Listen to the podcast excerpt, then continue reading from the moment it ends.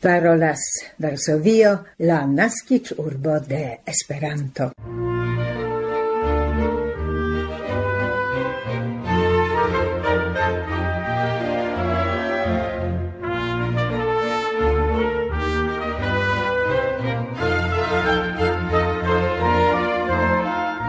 Cora salutas vin signoroi la Esperanto skipo de la Pola Retradio.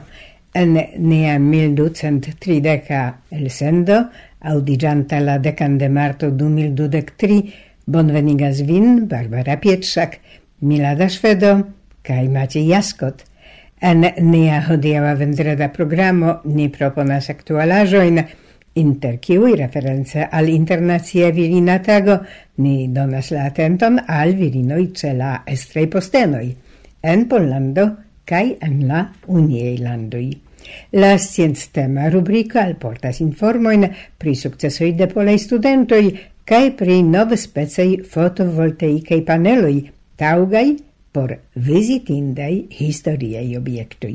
Jam de semajnoj dauras la informa reklamkampanjo favore al Esperanto de Etsuo Miyoshi el Japanio en electitei amas comuniciloi de Pollando Germanio kai Francio. Pri tio ni parolos sekve kai reference al simila campagno en 2007 inter alie Pollando kai okazinta tiam en Varsovio ronde tabla debato kun politikistoj kai parlamentanoi, ni memorigas la pritakse en vortoin de professoro Reinhard Zelten pri atendata successo de Esperanto. Comenza aŭdiĝas aktualaĵoj.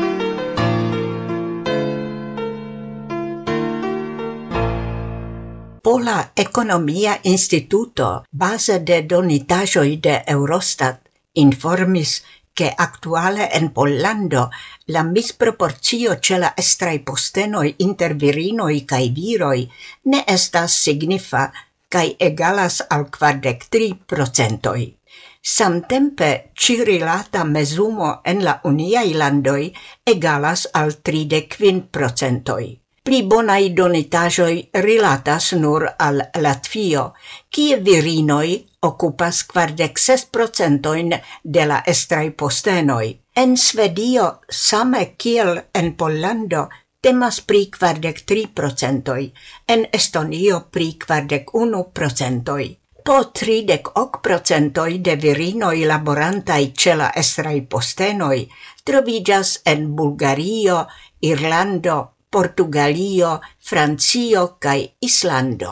Plej malmultaj virinoi ce la estraj postenoi laboras sur Kipro, dudek unu procentoi, en Luxemburgio dudek du procentoi, cae Nederlando dudek ses procentoi. Virinoi dominas ce la estraj postenoi en komerco, publica administracio cae industrio.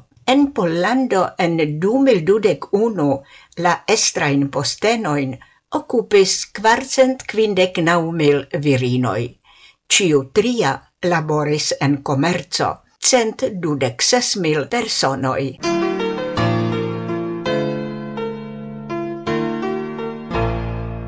la rapide crescanta importo de cort birda viando cae ovoi el Ucrainio alla Europa Unio surprizas la cort birdan producto branchon. La portalo wiadomości handlowe.polo bildigas tiuin informoin per la rilatai statisticajoi. Ili basigas sur la donitajoi de AVEC pro la unuai oxemainoi de la nuna iaro. La importo de la cort birda viando el Ucrainio crescis je naudec kvar procentoi compare al la sama periodo de la 2022 jaro kaj egalis al 32306 tunoi. Tio concernas same viandon frostigitan kiel ankaŭ freŝan. La importo de ovoi el Ukrainio al la Europa Unio egalis al kvar mil kvarcent kvindek septunoj, kio signifas kreskon je mil tricent sepdek procentoj kompare al la unuaj oksemajnoj de du mil dudek du. Cirilate temis unuavice pri importo de ovoi freshaj.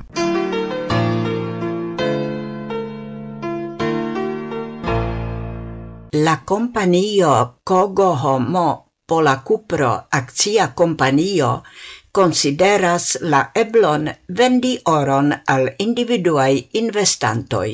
Oro, cun la enhavo de pli ol naudec nau como naudec vin procentoi, estas reacirita el la orporta slimo productita en la proceso de argenta electrorafinado en la formo de stangoi pesai de la duona gis degdu kilogramoi. La companio en la unuai tri quaronoi de 2022 produktis prescau du tunoin da oro. La tuta metalproduktado de Kogo Homo estas vendata al comerciai kaj instituciaj klientoj, sed la oraj staboj estas tro grandai por la bezonoj de individuaj investantoj. Kogo homo occupigas pri la minado cae prilaborado de metalai erzoi, cefe cupro, kai estas unu el la cefai productantoi de citiu metalo kai argento en la mondo. Gi ancau productas kelkain aliain metaloin trovigiantain en cuprai erzoi, kiel molibdeno, renio, kai nikelo.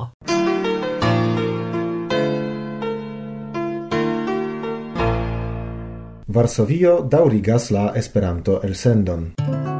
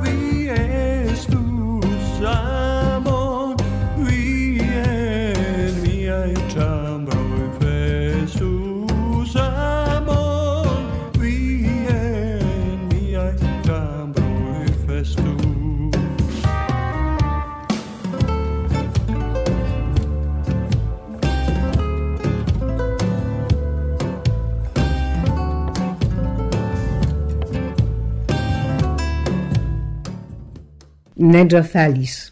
Estis fragmento de la canzono el la compacta disco Espo Bosniumas, eldonita de Vinil Cosmo. Daurigante la Varsovian Esperanto elsendon ni proponas scienz bultenain informoin.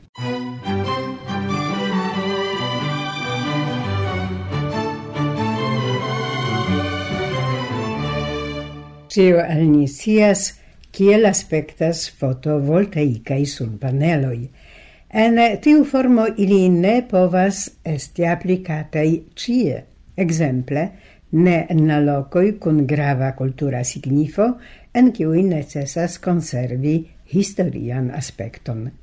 Montrigis, ke en tiui locoi eblas apliki nevideblajn sun paneloin, kiuj povas aspekti kiel ŝtono, ligno, betono au brico, dank al cio ini restas en harmonio kun diversaj structuroi. Tiei Tiaj sunpaneloj estas jam inter interalie en urboi Evora en Portugalio cae Split en Croatio. Ini troviĝas sur la art museo de la 21. arcento en Romo cae en la loko Vigoforte ci specei sun paneloi, kiui perfecte imitas terracoton, estis installitei sur Vetius Villao en Pompeio.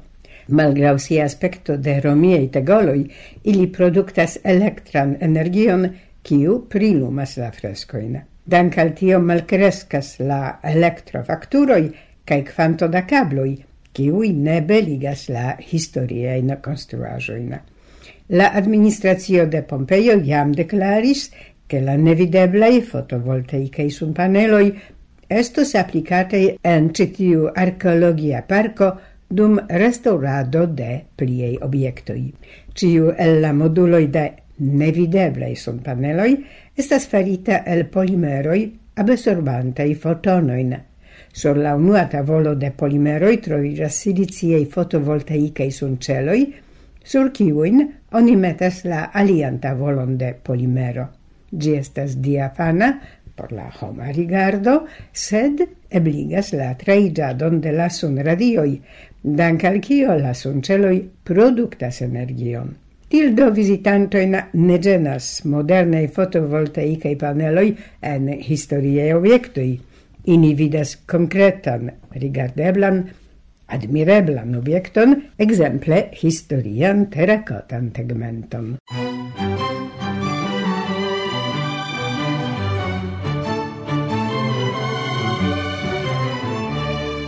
University Physics Competition, universitata Fisica concurso, estas teama rivalado kiun partoprenas studentoi de licenzai studoi el la tuta mondo. Dum gi ili pretigas sciencan laboraĵon pri iu el proponitaj al ili temoi. Ili disponas nur pri kvardek ok horoj por solvi la problemon, okazigi simuladon, verki laborajon kaj disponigi ĝin al la organizantoj. En 2022 la rivaladon partoprenis kvarcent deksep grupoj el la sciencaj centroj de la tuta mondo, inkluzive de dek unu el la fizika fakultato de la Varsovia Universitato polai studentoi acquiris ne sole la oran medalon, sed ancau quin argentain cae du bronzain. La rivalado ocasis comence de novembro 2022, cae la resultoi estis annoncitai mese de januaro 2023. La unua temo, Deflecting an Asteroid, forturno de asteroido, concernis la flugantan cele al la tero asteroidon. Necessis respondi la demandon en kiu momento la cosma shipo locita sur la malalta circautera orbito colisios contrau asteroidon por antau malhelpi catastrofan cun pusigion. La alia problema estis FIFA punŝotoj. La partoprenantoi devis kalkuli kun kiu comenza rapideco kaj laŭ kiu angulo la golŝotanto devas direkti pilkon al la supra angulo de la golujo por havi la plej grandajn ŝancojn por sukcesa ŝoto. La polai studentoi el la fizika fakultato de la Varsovia Universitato la sepan jaron lauvice partoprenis la konkurson.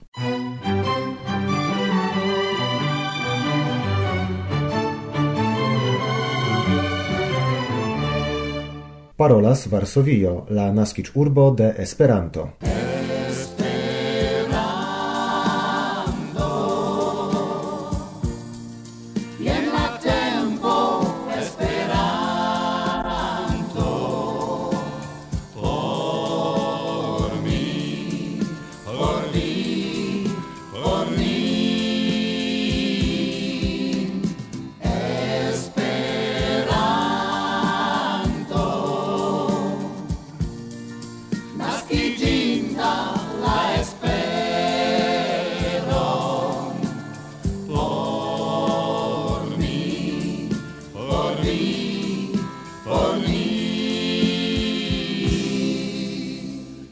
januaro 2023 startis granda gazetara reklamkampanjo de Etsuo Miyoshi el Japanio pri Esperanto.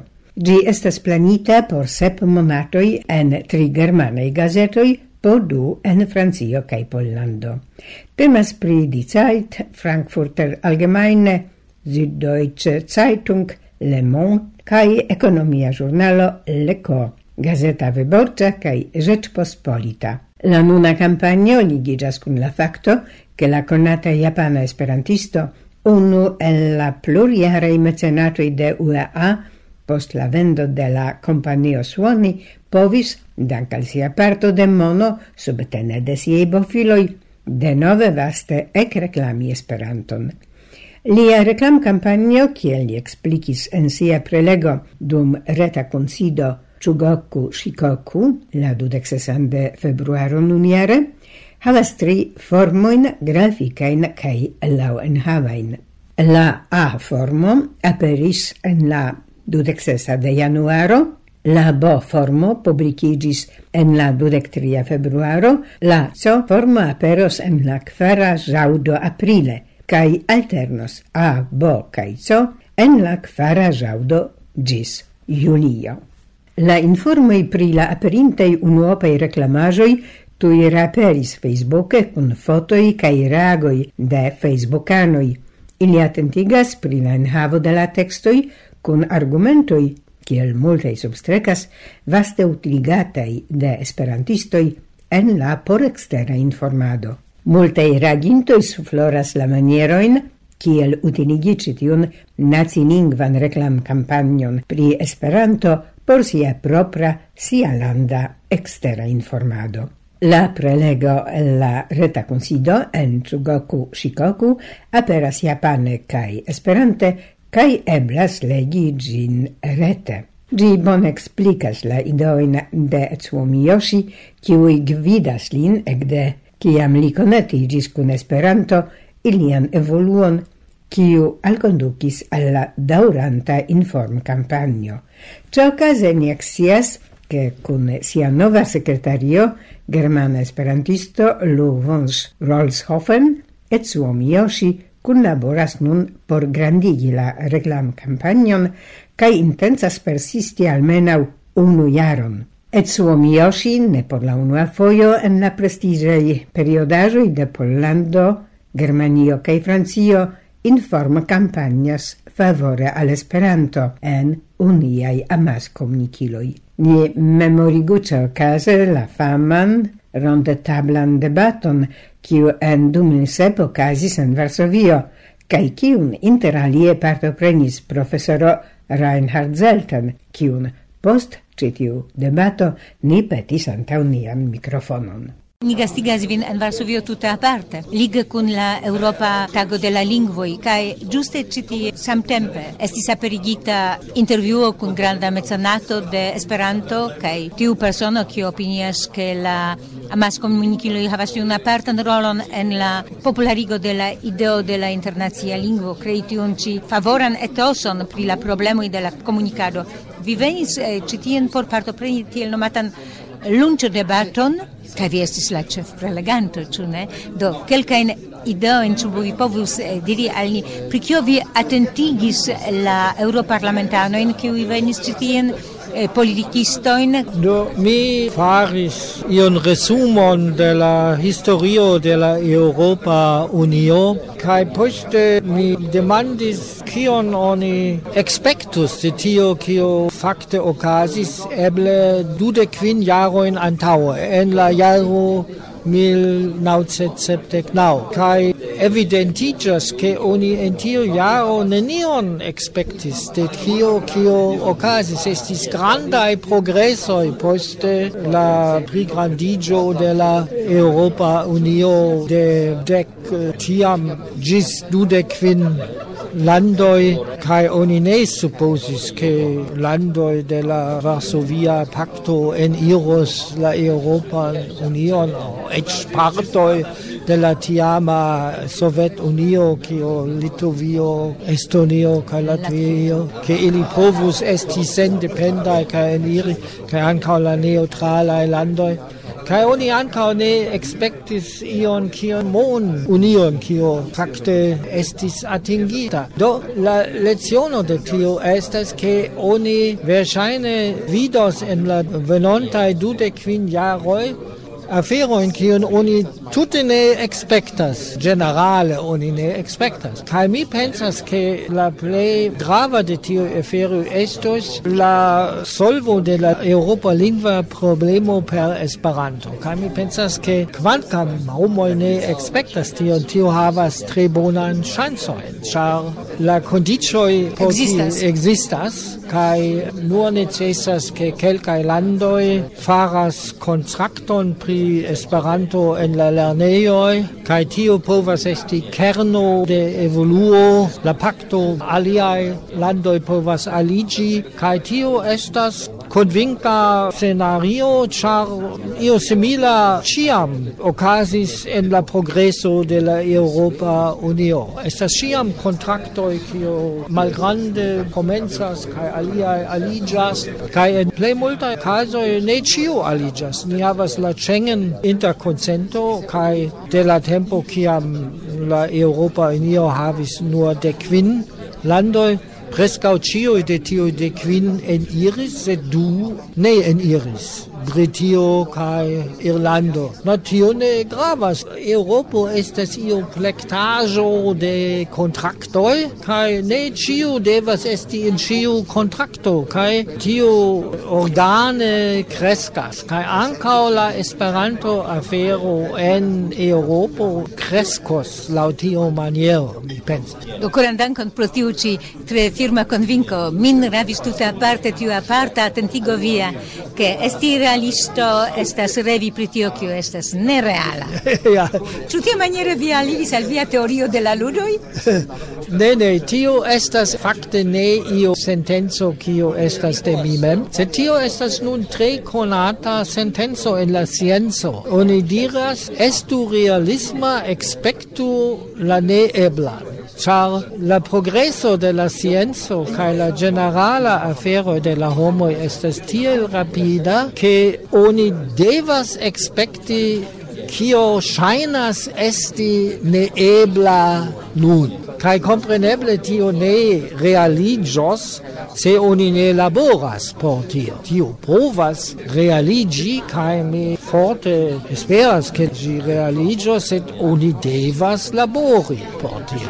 Dankon do pro la invito labori favore al tio kio estas neebla shaine. Tiun ci debaton partoprenis ankau Elizabeth Zelten unu frazo. Kion vi opinias pri tiu ĉi debato? Pri tiu ĉi tago kiun ni havis en Varsovio. Tiu tago en Varsovio estis tre punta. Ne estis tre teda afero, tiu debato estis inter aliaj aranĝoj kaj estis tre interesa tago.